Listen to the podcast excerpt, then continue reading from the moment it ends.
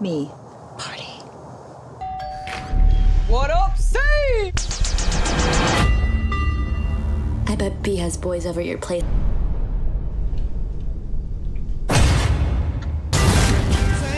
Halo, welcome back di Story Film Channel. Halo semuanya, gimana kabarnya kalian? Nah, kali ini gua akan ceritain story film The Babysitter lansiran tahun 2017. Menurut gue pribadi, film ini termasuk film yang sangat layak untuk kalian tonton. Ceritanya mudah dipahami, tokoh dalam filmnya sederhana, dan banyak adegan menebarkan. Film ini bercerita tentang anak cowok yang culun bin Katro melawan pengasuhnya sendiri. Sang pengasuh punya perjanjian kepada iblis, sehingga anak culun ini perlahan menjadi anak yang cukup pemberani. Seperti apa kisahnya? Yuk langsung aja gua mulai story filmnya. Eits, sebelum gue mulai, silakan kalian subscribe channel Story Film supaya kalian gak ketinggalan story film seru lainnya.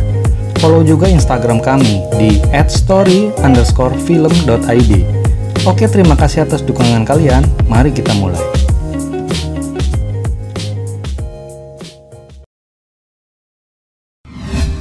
Pada awal film diceritakan seorang anak laki-laki culun, penakut, dan lemah bernama Cole. Dia punya tetangga sekaligus teman bernama Melanie. Saat pulang sekolah, Melanie dijemput oleh ayahnya. Ayahnya Melanie adalah orang yang menyebalkan tapi punya mobil keren. Cole yang terbiasa pulang jalan kaki dicegat oleh Jeremy, teman sekolahnya yang juga menyebalkan. Jeremy juga orang yang aneh dengan gayanya dan sepeda yang dia beri nama Cindy. Aduh, dasar katro.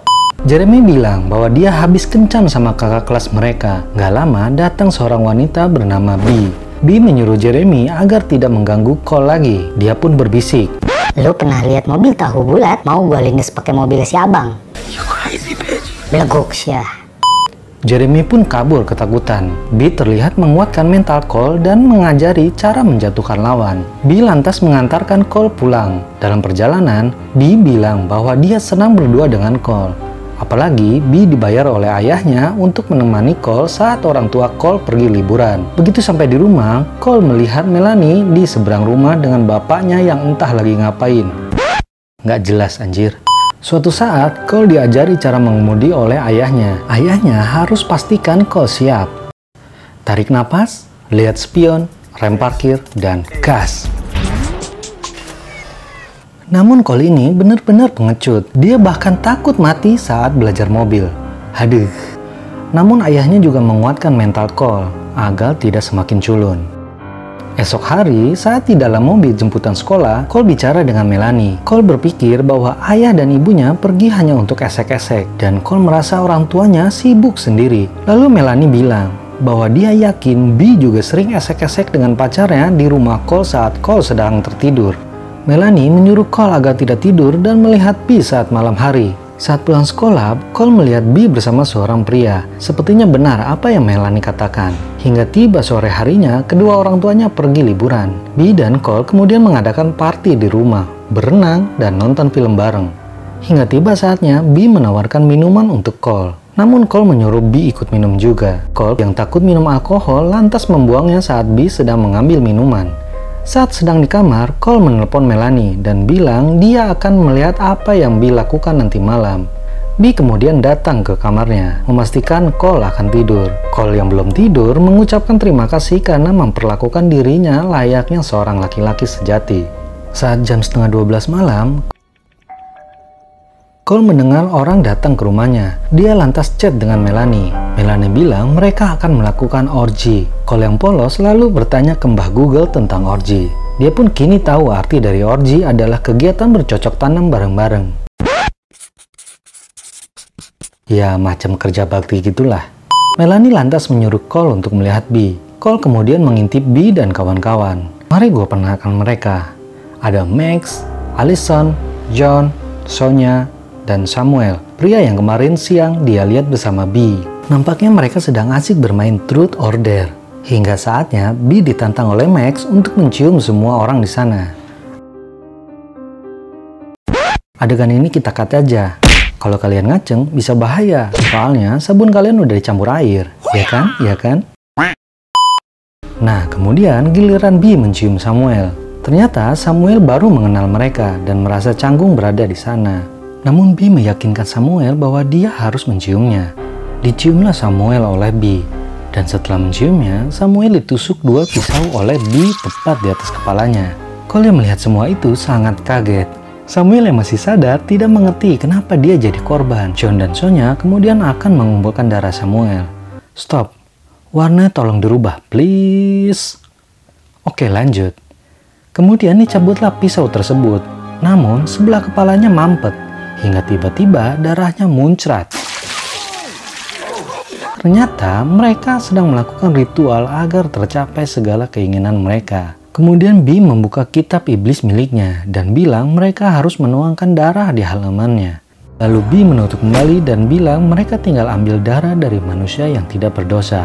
Cole yang mendengar itu lalu panik dan masuk kembali ke kamar. Cole lantas menelpon polisi, mengambil pisau lipat, dan menyiapkan sebuah rencana. Bill lantas mendekat kamar dan Cole langsung pura-pura tertidur. Mereka lalu mengambil darah Cole dengan suntikan. Setelah mengambil darah Cole, mereka semua keluar kamar Cole. Namun B melihat jendela kamar Cole terbuka. Setelah mereka semua keluar, Cole lalu bangun dan mengikat spray ke kasur dan melemparkan ke luar jendela. Namun tiba-tiba B melihatnya dan Cole jatuh pingsan. Cole lalu tersadar dan diikat di sebuah bangku. B menyuruh Cole makan kue karena gula darah Cole turun drastis. Saat mereka interogasi, Cole mengeluarkan pisau lipatnya dan mencoba melepaskan tali yang mengikatnya. Namun Allison melihatnya karena ada cemin di belakang Cole. Eh, bukan yang berhenti, Cole malah makin kenceng motongnya. Cole lalu bilang bahwa dia akan merahasiakan dari ayahnya kalau mereka melakukan orgi dan mengambil darahnya. Mendengar omongan polos Cole yang gak tahu artinya orgi, akhirnya hendak dilepaskan. Mereka mengira Cole tidak melihat pembunuhan Samuel. Namun tiba-tiba mobil polisi datang.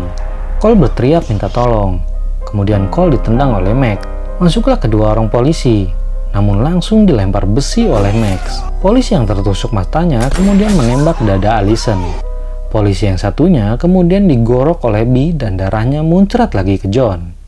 Walkie-talkie sang polisi menyala dan menanyakan kondisi laporan. B yang tahu kalau Cole mengerti kode polisi lalu menanyakannya. Cole kemudian memberitahu kode kondisi aman. Alison yang tersadar kemudian menangis melihat dadanya tertembak. Dia bilang nanti nggak ada lagi pria yang mau memainkannya. Darah muda gue langsung bergejolak. Penasaran apa maksud memainkan dada seorang wanita? Fokus please. Oke oke, gue lanjut. Cole yang berhasil melepas ikatan kemudian lari ke lantai dua. Cole lalu mendorong John yang mengejarnya. Tak disangka, John jatuh ke bawah dan mati mengenaskan. Max selalu mengejar Cole. Cole lalu masuk ke kamar dan mencoba turun melalui jendela. Cole terjatuh saat ditarik oleh Max. Cole lalu lari ke garasi dan menemukan mayat Samuel. Dia pun menyiapkan rencana kedua. Dia membawa peralatan dan sebuah kembang api besar lalu bersembunyi di bawah lantai yang penuh laba-laba dan perangkap tikus. Sonya yang curiga kemudian masuk juga ke bawah lantai. Sonya tak menemukan Cole, dia pun lantas ingin pergi keluar. Tapi Cole nggak sengaja melempar laba-laba ke perangkap tikus. Sonya yang mendengar itu lalu mengejar Cole. Cole lalu membakar kembang apinya. Namun sayangnya, itu meleset. Sonya yang terkena perangkap tikus kesakitan. Cole pun bisa lolos keluar dan menutup kembali lubang tersebut. Dan boom, meledaklah Sonya di bawah lantai. Max yang melihat tepuk tangan dan kembali mengejarnya. Max berhasil menangkap Cole dan mencekik lehernya ke atas. Namun Max mendengar ada suara-suara aneh dan menanyakan hal tersebut ke Cole. Cole bilang bahwa itu Jeremy yang melemparkan telur ke rumahnya. Dengan penuh rasa hormat, Max memberi kesempatan dan semangat Cole agar melawan Jeremy. Cole pun menyamperin Jeremy dan bilang bahwa kakinya akan menendang wajah Jeremy. Cole pun menendang, namun gagal. Haduh, katrok katrok Jeremy lantas menonjok wajah Cole dan melempar Cole dengan telur. Melihat hal itu, Max selalu memberi semangat Cole. Cole lantas memukul Max dan mencoba kabur. Max kegirangan melihat Cole berani memukul, lantas mengejar sambil memberi semangat agar kabur. Eh buset, mau ngebunuh berasa main-main, psikopat parah ini mah. Singkatnya, Cole lari ke rumah pohon dan tanpa sengaja membunuh Max yang terikat tali gantung di pohon. B yang melihat Max tewas mengejar Cole. Cole melihat B memegang senjata dan berlari ke arah rumah Melanie. Rupanya Melanie sudah menunggu Cole di depan pintu rumahnya. Cole menceritakan bahwa dia sudah membunuh orang. Datanglah B ke rumah Melanie. Melanie dan B lantas bersembunyi di balik tangga. B yang tidak menemukan lalu pergi. Cole dan Melanie lalu masuk ke kamar mandi. Melanie kemudian mencium Cole. Cole merasa senang dicium oleh Melanie dan berniat menyelesaikan masalah ini semua. Dia pun berlari ke rumahnya sambil menantang B. Namun dia terkejut melihat rumahnya sudah rapi seperti semula. Cole juga menemukan Allison duduk tak bergerak. Cole tak tahu bahwa Allison sebenarnya masih hidup. Cole lantas menemukan kitab iblis B di dapur. Tiba-tiba, Allison memukul Cole. Cole kemudian melawan dengan memukul dada Allison. Allison yang kesakitan karena luka bekas tembak lalu menangis dan meratapi nasibnya kehilangan dadanya. Exactly. Do you think I give a fuck what you're talking about? Tapi bohong. Alison lantas mengejar Cole. Cole lantas teringat ayahnya menaruh pisau di rak cuci piring. Namun ternyata gak ada. Oh, ternyata ibunya yang memindahkan. Dan... Hmm, dan apa ya? Kok gue jadi gagal fokus eh lihat bapaknya dikocokin. Hahaha. Oh, dan tiba-tiba Allison ditembak oleh B. B tiba-tiba bersikap baik kepada Cole. Tapi Cole malah mengancam akan membakar kitab iblis B. B memohon agar kitabnya tak dibakar. B menceritakan jika darah manusia yang berkorban dan dicampur darah manusia tanpa dosa, maka keinginannya akan terpenuhi. B bilang, kita bisa melapor bahwa kita diserang oleh yang lainnya. Tapi Cole rupanya memilih membakar kitab tersebut dan berlari keluar rumah mengambil mobil ayahnya Melanie dan menabrakkan mobil itu ke rumahnya. B yang sedang mematikan api tergencet mobil tersebut. Cole kemudian keluar rumah dan banyak petugas yang datang ke rumahnya. Anak buah Jeremy kini respect sama Cole. Orang tua Cole kemudian datang dan langsung melindas si Cindy Jeremy. Wok wok. dan film ini pun ditutup dengan adegan Nah, itu dia film The Babysitter. Konon kabarnya, Jeremy kelak akan menjadi pemimpin Wakanda Forever. nah, bagaimana menurut kalian tentang film ini? Menurut gue cukup seru. Durasinya padat, nggak bertele-tele, jam scare-nya ada, ceritanya oke, dan para pemainnya pun cukup baik. Walaupun ada sedikit kesalahan produksi, tapi bisa diabaikan. Nah, inti dari film ini yang gue ambil, kalian nggak boleh kepo urusan orang lain Selalu gara-gara kepo, kalian pasti kena masalah. Bagi gua, saat ini hidup itu cukup ikutin petunjuk aja. Nggak perlu cari tahu urusan orang, apalagi urusan mantan. Ah, hai!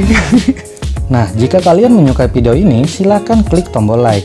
Jika ada pandangan lain tentang film ini, silahkan tulis di kolom komentar. Jika belum subscribe, silahkan klik tombol subscribe. Jangan lupa klik juga tombol loncengnya, agar kalian nggak ketinggalan video dari story film selanjutnya. Follow juga Instagram kami di @story_film.id. Gue Mr. X, mohon undur diri. See you di next episode selanjutnya.